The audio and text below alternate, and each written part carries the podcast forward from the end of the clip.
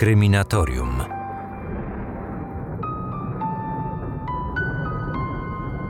Nad rzeką Cisą, około 120 km na południowy wschód od Budapesztu, leży zapomniana przez Boga mała węgierska wioska. Nagirew.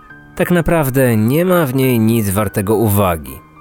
Większość tamtejszych chałup nadaje się już tylko do rozbiórki. Te domy, w których mieszkają jeszcze jacyś ludzie, sprawiają raczej wrażenie, jakby stały wyłącznie dzięki silnej woli i modlitwom ich mieszkańców. Dziś mieszka tam około 600 mieszkańców, a zdecydowaną większość stanowią osoby starsze. Z roku na rok przychodzi tam na świat coraz mniej dzieci, a populacja wsi spada i pewnie już niedługo Nagirew zmieni się w wioskę widmo. Ludzie, którzy mieli jakiekolwiek ambicje, już dawno opuścili to przeklęte miejsce. Kilka lat temu odszedł z tego świata ostatni naoczny świadek tragicznych w skutkach spisku wdów z Nadcisy, który w latach dwudziestych ubiegłego wieku doprowadził do wymordowania sporej części męskiej populacji tej miejscowości i sąsiednich wsi. Przez ponad dekadę mężczyźni ci byli systematycznie otruwani przez swoje żony, kochanki, córki, a nawet matki i babki. Kobieca zemsta za złe traktowanie doprowadziła do śmierci około 100 osób, a niektóre źródła każą te liczby nawet potroić. Tym odcinku bierzemy się więc za zabójcze kobiety. Ja nazywam się Marcin Myszka, jestem autorem podcastu Kryminatorium. Przypominam, że nowe epizody mojego słuchowiska kryminalnego znajdziecie w każdy poniedziałek na Spotify. Otwieramy akta tajemnic. Ta niezwykła historia rozpoczęła się trzy lata przed wybuchem I wojny światowej, gdy do wsi Nagirew, liczącej wtedy blisko 4000 mieszkańców, przyjechała Żuzi Ola, starsza kobieta trudniąca się szeroko rozumianą medycyną ludową. Jako, że mieszkańcom od dawna dokuczało wiele schorzeń, a w okolicy brakowało prawdziwego lekarza, wędrowna znachorka została przez wieśniaków przyjęta z otwartymi ramionami. Wykazywała się dość dobrą znajomością leczniczych właściwości ziół. Poza tym podawała się za specjalistkę nie tylko od odbierania porodów, ale i od usuwania niechcianych ciąż. Nikt wówczas nawet nie przypuszczał, że za nielegalnie przeprowadzane aborcje na terenie monarchii austro-węgierskiej ciocia Żuzi, jak zaczęto ją szybko nazywać, kilkukrotnie stawała wcześniej przed sądem. W Nagirew znachorka nie narzekała na brak propozycji matrymonialnych, o czym gdy sprawa spisku wdów ujrzała w końcu światło dzienne, donosiła nawet prasa amerykańska. Pierwszy jej mąż zmarł po krótkiej chorobie, ale nie opłakiwała go zbyt długo. Wyszła za mąż ponownie, tym razem za zamożnego rolnika, który miał kilka domów i sporo ziemi.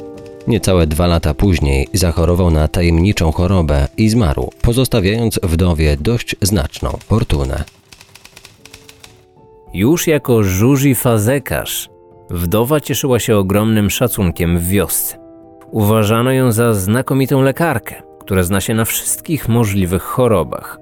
Ona sama szybko jednak odkryła, że ratowanie ludzkiego życia jest znacznie mniej dochodowym interesem niż jego skuteczne pozbawianie. Zwłaszcza gdy w którymś z domów urodziło się kolejne dziecko, a niedługo później rodzice stwierdzili zgodnie, że pod swoim dachem mają już wystarczającą liczbę pociech. Pani dobrodziejko, pomoc nam potrzebna w chałupie, ale taka, no wiecie, o której zabroniono nawet myśleć, a co dopiero w głos wypowiedzieć. Mówcie zatem gospodarzu o co chodzi. Ino szeptem, co by do innych uszu nie doszło. Nie dalej jak dni temu kilka pomogła pani przyjść na świat naszej córce. Jako, że to już siódme nasze dziecko w chałupie bieda, to z babą moją żeśmy uradzili, że lepiej będzie i dla nas, i dla niej, co by ją Bogu zawczasu oddać. Wiecie, póki ona nieświadoma jeszcze. Niechaj więc będzie gospodarzu według życzenia waszego. Weźcie zatem ten lep na muchy i przez noc całą w wodzie go moczcie. Niech was ino nie skusi wody tej próbować, bo wy wtedy przed Bogiem szybciej staniecie niźli córka wasza. Ja przyjdę skoro świt. Powiem, co dalej wam robić i zapłatę od was ustalę. Ten lep na muchy to nic innego jak papier nasączony arszenikiem, zabójczą substancją bez smaku i zapachu. Dodany do jedzenia, picia lub lekarstw stanowił idealny sposób na skrócenie życia wytypowanej do tego osoby. A ciocia Żuzi opanowała do perfekcji odzyskiwanie tej trucizny z ogólnodostępnej wówczas pułapki na niepożądane owady. Wkrótce zapotrzebowanie na jej usługi znacznie wzrosło. Gdy wybuchła I wojna światowa, wszyscy mężczyźni zdolni do noszenia broni zostali powołani do cesarskiej armii i wysłani na front. Kobiety zostały same, zmuszone do wykonywania męskich obowiązków. A pracy na wsi było aż za dużo. Amerykańsko-węgierski historyk Bela Bodo w książce Nad Cisą Społeczna historia epidemii morderstw przedstawił makabryczny sposób, w jaki samotne matki i żony poradziły sobie z nadmiarem obowiązków. Oczywiście z odpłatną pomocą miejscowej znachorki. Gdy zdrowi mężczyźni poszli na wojnę, na wsi zostali tylko ci starzy lub niepełnosprawni. Kobiety, oprócz zajmowania się domem i pracą w polu, musiały także opiekować się osobami, które wymagały ciągłej pomocy. A przecież były jeszcze małe dzieci, którymi też trzeba było się zająć. Dość szybko niesamodzielne osoby dorosłe stały się prawdziwym ciężarem dla pracujących w pocie czoła mieszkanek wioski. Niektóre z nich postanowiły się tego kłopotu pozbyć. Wkrótce nastąpił więc nagły wzrost liczby zgonów. Ze światem jeden po drugim zaczęli żegnać się kolejni mężczyźni, głównie osoby chore, kalekie i stare. Nieoczekiwanie dla zapracowanych kobiet sporym wybawieniem okazał się założony w okolicy obóz dla jeńców wojennych. Przytrzymywani tam włoscy żołnierze cieszyli się dość dużą swobodą i często wysyłani byli do pomocy przy pracach polowych w wiosce. Tym samym zaskrobili sobie wielką sympatię miejscowych wieśniaczek. Zwłaszcza, że całkowicie różnili się od nieobecnych wówczas mężów. Byli niezwykle pracowici, kulturalni i uwodzicielscy. Na zacieśnienie towarzyskich stosunków pomiędzy węgierskimi kobietami i włoskimi mężczyznami nie trzeba było długo czekać. Wzajemne relacje stawały się coraz głębsze. Tworzyły się mniej lub bardziej oficjalne związki, czego skutkiem były ciąże, w większości oczywiście nieplanowane, a więc niechciane. Przez następne lata Zuzi Farzekas miała więc ręce pełne roboty. Aż w roku 1918 przyszedł czas zakończenia Wielkiej Wojny. Włosi wyjechali z Węgier, a na ich miejsce powróciła zwolniona z armii męska część lokalnej społeczności. O ile już przed wojną tamtejsi mężczyźni nie uchodzili za wzór wszelkich cnót, to teraz jawili się jako istny obraz nędzy i rozpaczy. Traumatyczne przeżycia frontowe i odniesione w bojach rany sprawiły, że do Nagirew powrócili w większości jako zdesperowani inwalidzi. Jedni bez rąk, inni bez nóg, niektórzy ślepi. Wojenną traumę leczyli alkoholem, a bolesne wspomnienia próbowali odreagować znęcaniem się nad własnymi matkami, żonami i córkami. Kobiety miały już dość, ale jak napisał w swojej książce Krzysztof Warga, o opuszczeniu swoich mężów mogły jedynie pomarzyć. Dziś kobieta może się rozwieść, co w tamtych czasach było nie do pomyślenia. Co Bóg złączył, człowiek niech nie rozłącza. Poza tym ówczesne małżeństwa nie z powodu miłości przecież zawierano, a dlatego, że tak życzyli sobie rodzice. To oni wybierali dla swojego syna żonę, a dla córki męża. Małżeństwo było umową społeczną, tak jak przez wszystkie poprzednie wieki. Poprawie tych relacji nie pomagały również pojawiające się w okolicy plotki o tym, co działo się w wiosce podczas ich nieobecności. Kobiety, które przez wojenne lata przyzwyczaiły się do lepszego traktowania ze strony mężczyzn, nie były już tymi samymi kobietami sprzed wojny. Posłusznymi, znoszącymi w milczeniu wszelkie obelgi, a nawet bicie. Włoscy kochankowie nauczyli je nie tylko tańca i zabawy, ale również poczucia własnej godności, czyli czegoś, co było nie do zaakceptowania przez wiecznie pijaną męską populację wioski. Piję, bo... bo zawsze piłem. Rozejrzyj się. Tu na wsi wszyscy piją. Co innego mi pozostało? Przed wojną ci to jakoś nie przeszkadzało. Odkąd wróciłem, zupełnie cię nie poznaję. Bo mam już dość tego, jak mnie traktujesz. Twojego lenistwa i pijaństwa też. Jeśli się nie zmienisz, odejdę. Czy ci się to podoba, czy nie? No, proszę, moja własna baba chce mnie zostawić. to dobre. Po moim trupie, rozumiesz? Po moim trupie. Po twoim trupie gadasz? Uważaj, pijaku, czego sobie życzysz, bo... bo życzenia się czasami spełniają.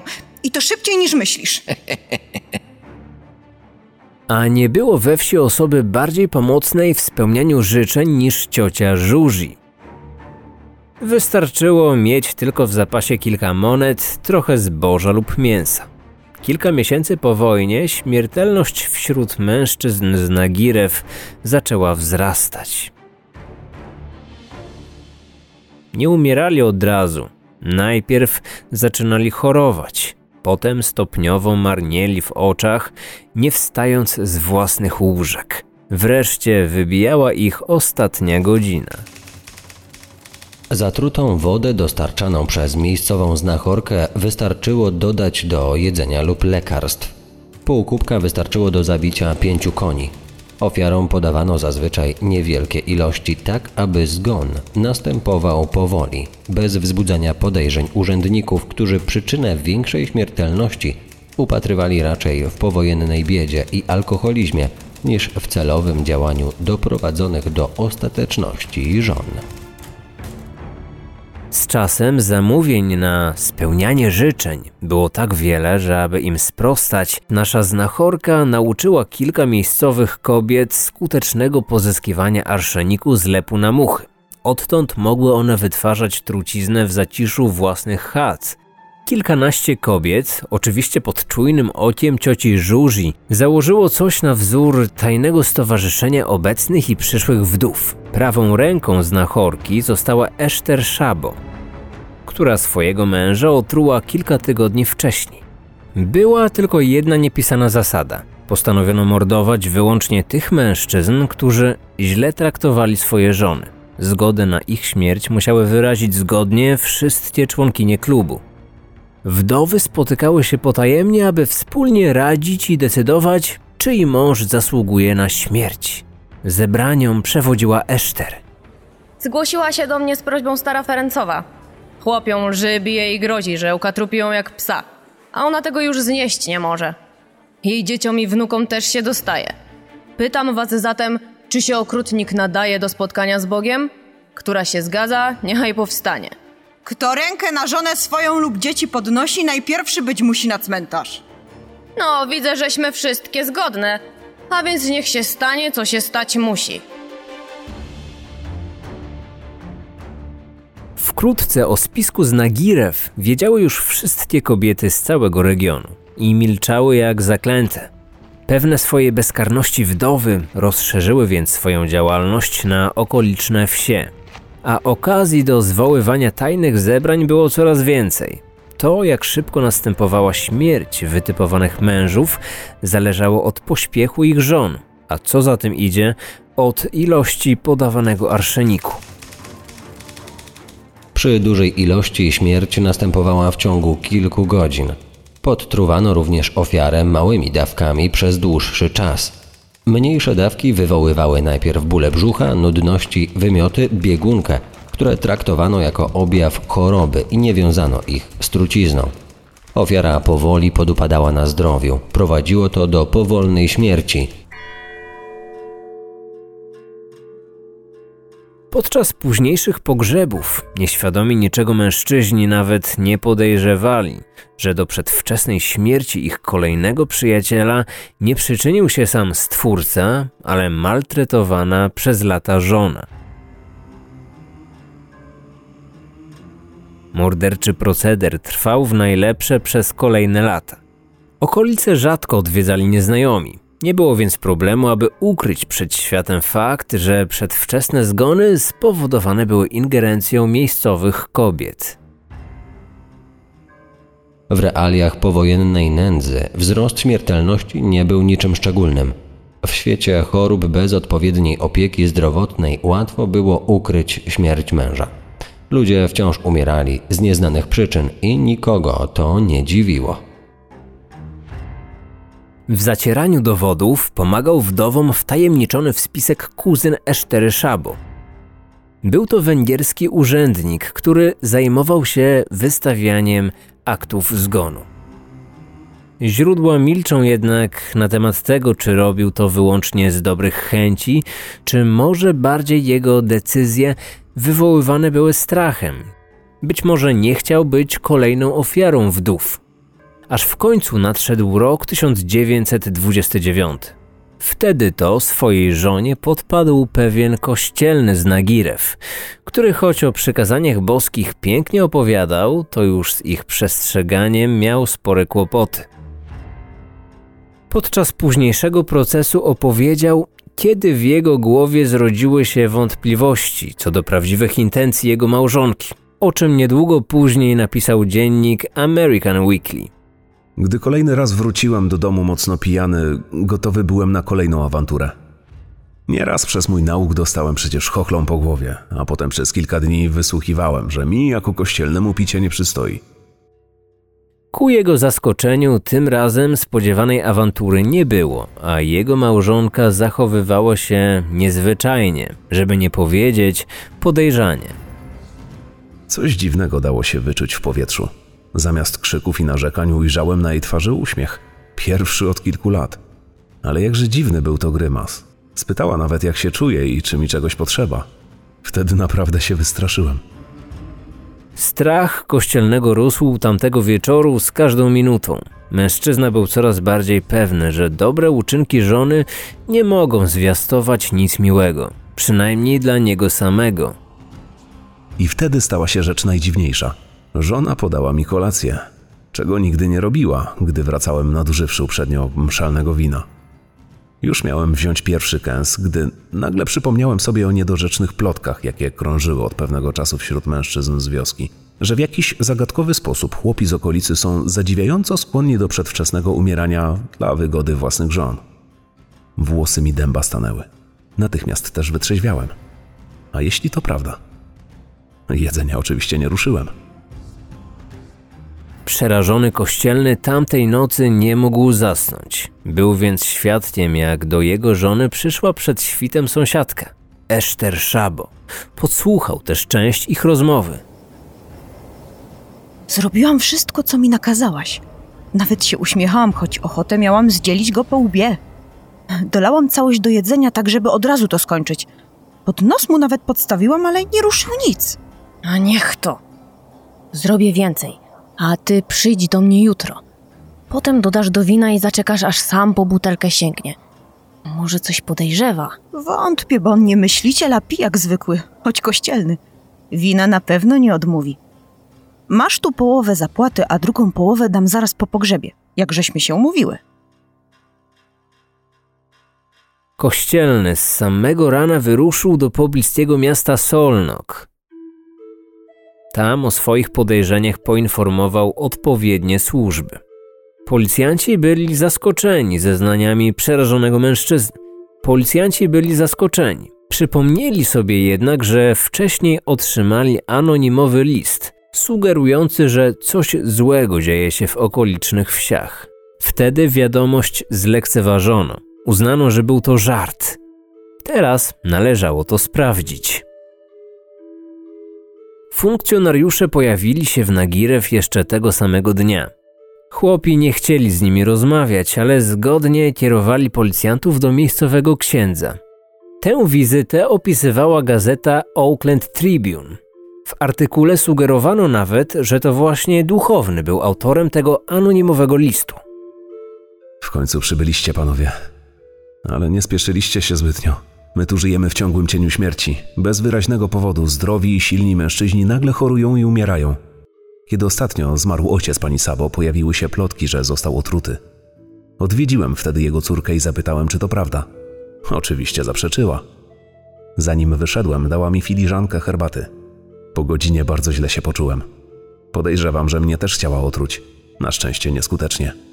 Wszystkie wioski są zdominowane przez kobiety, a żaden mężczyzna nie może być pewny, że dożyje jutra. Wieści o aresztowaniu Esztery dotarły do wioski następnego dnia. Kobieta niespodziewanie załamała się i przyznała nie tylko do otrucia własnego ojca, ale również do pomocy w zamordowaniu innych mężczyzn. Tak wielu, że nie potrafiła nawet podać ich liczby. Wskazała też nazwiska innych, zamieszanych w to kobiet. Przestraszone kobiety zwołały zebranie w domu cioci Żuzi. Znachorka uspokoiła wszystkich jednak, że trucizna, której używały, jest niemożliwa do wykrycia i żadna kobieta nie ma się czego bać. Nie bójcie się, moje panie. Jeszcze bardziej niż na ratowaniu życia znam się na jego odbieraniu i zapewniam was, że trucizny przygotowanej moim sposobem nikt wykryć nie będzie w stanie. Ciała bowiem dawno już zgniły i tylko kości zostały w ziemi. Jej braki w medycznym wykształceniu nie pozwalały jej wiedzieć, że arszenik można było wykryć za pomocą stosunkowo prostego testu, nie tylko w narządach wewnętrznych, ale również we włosach, paznokciach, nawet długo po śmierci ofiary. Nagle uzbrojeni policjanci wdarli się do domu, przerywając tajne zebranie. Kobiety zostały aresztowane, wszystkie poza jedną. Znachorka na widok funkcjonariuszy uciekła na strych. Tam zażyła przygotowaną wcześniej dawkę trucizny i skonała na oczach stróżów prawa. Łącznie aresztowano blisko 80 kobiet i dwóch mężczyzn, w tym kuzyna Esztery, który przyznał się do wystawiania fałszywych aktów zgonu. Władze komitetu rozkazały dokonać ekshumacji ciał mężczyzn pochowanych w ostatnim czasie a o tym pisały nawet amerykańskie dzienniki. Następnego dnia przystąpiono do makabrycznego zadania wyciągania z grobów ciał mężczyzn, aby ich tragiczne świadectwo posłużyć mogło ochronie żywych przed podobnym losem. Cmentarna kaplica służyła za tymczasową kostnicę. Tam lekarze wraz z węgierskimi urzędnikami pracowali do późnych godzin nocnych, Jakże wielkie było ich zdumienie, gdy okazało się, że ponad 100 ciał zawierało arszenik. Czy ten anonimowy list, który informował policjantów o masowych morderstwach w kilku wioskach, został rzeczywiście wysłany przez księdza? Trudno to dziś ustalić. Niektóre źródła podają, że jego nadawcą była jedna z kobiet, która ze złości za to, że nie było ją stać na zapłatę za stosowną dawkę trucizny, zdecydowała, aby zniszczyć tajny klub wdów. Węgierscy historycy sugerują, że anonimowych listów mogło być nawet kilka. Przywołują też inne wydarzenie, które miało doprowadzić do odkrycia zabójczego spisku z Nagirew. Pewnego dnia młody student medycyny z Budapesztu gościł u swojej rodziny w jednej z wiosek nad Cisą. Podczas spaceru brzegiem rzeki natknął się na martwe ciało, które woda wyrzuciła na brzeg. Z racji swojego zamiłowania do wszelkich badań postanowił bliżej przyjrzeć się zwłokom. Nieoczekiwanie wykrył w nich duże stężenie arszeniku. To jasno wskazywało, że ofiara została otruta. O swoim odkryciu niezwłocznie poinformował stosowne służby. Tyle mówi miejscowa legenda, jednak jak zgodnie twierdzą węgierscy badacze, poza przekazami ustnymi dowodów na to nie ma. Proces wdów z Nagirew rozpoczął się kilka tygodni później. Zebrane przez śledczych dowody pozwalały oskarżyć 26 kobiet, które w obawie o własne głowy chętnie dzieliły się w trakcie rozprawy swoją wiedzą. Jednym z obserwatorów tego procesu był Zygmunt Muricz, znany węgierski pisarz, który po latach wspominał. Sala sądowa jest zatłoczona. Kilkaset osób niecierpliwie czeka na każde słowo, które zaraz padnie. Przed stolikiem sędziego stoi starsza kobieta ze wsi, w czarnej sukni, bogato ubrana. Składa ręce razem niczym w kościele. Na pierwszy rzut oka to miła i serdeczna babcia, którą spotyka się w wiejskiej chacie w otoczeniu wnuków. Nic bardziej mylnego. Ta kobieta oskarżona została przez sędziów o zabicie przed kilku laty własnego męża, trucizną ugotowaną z lepu na muchy. W trakcie rozprawy wyszło również na jaw, że ofiarami spisku wdów byli nie tylko źli mężowie. Część ofiar stanowiły również osoby, które z jakichś powodów zostały przez kobiety uznane za niepotrzebne lokalnej społeczności. Wśród nich były przedstawicielki nawet tej samej płci, czyli kobiety. Tak więc poza złymi mężami swoje życie tracili również starzy rodzice, którymi córki nie chciały się opiekować, a nawet chore, niepełnosprawne dzieci, które wymagały opieki. Ciocia Żuzi ze swoimi pomocnicami skutecznie eliminowała z wiejskiej społeczności każdego, kogo uznano za osobę biorącą od kobiet więcej niż sama może dać od siebie. Wystarczyło to tylko jednomyślnie przegłosować na tajnym zebraniu, a później za odpowiednią usługę zapłacić. Osiem wieśniaczek zostało skazanych na śmierć przez powieszenie, ale egzekucję wykonano tylko na trzech, w tym na kobiecie, która była prawą ręką znachorki. 12 innych kobiet otrzymało wyroki więzienia od lat 7 do dożywocia. Sześć kobiet zostało uniewinnionych. Ciągu ostatnich 70 lat pojawiło się w tej sprawie tak wiele plotek i niepotwierdzonych faktów, że trudno jest dziś ustalić prawdziwą liczbę ofiar spisku wdów. Oficjalnie uważa się, że w Nagirew i okolicach otrutych zostało około 100 mężczyzn oraz bliżej nieokreślona liczba kobiet i dzieci. Niektóre źródła, oparte w głównej mierze na wspomnieniach naocznych świadków tych wydarzeń, mówią nawet o ponad 300 ofiarach. Z tą tezą nie zgadzają się jednak węgierscy historycy. Kilka lat temu z życiem pożegnały się ostatnie kobiety z Nagirew, które pamiętały jeszcze morderczą atmosferę tamtych lat.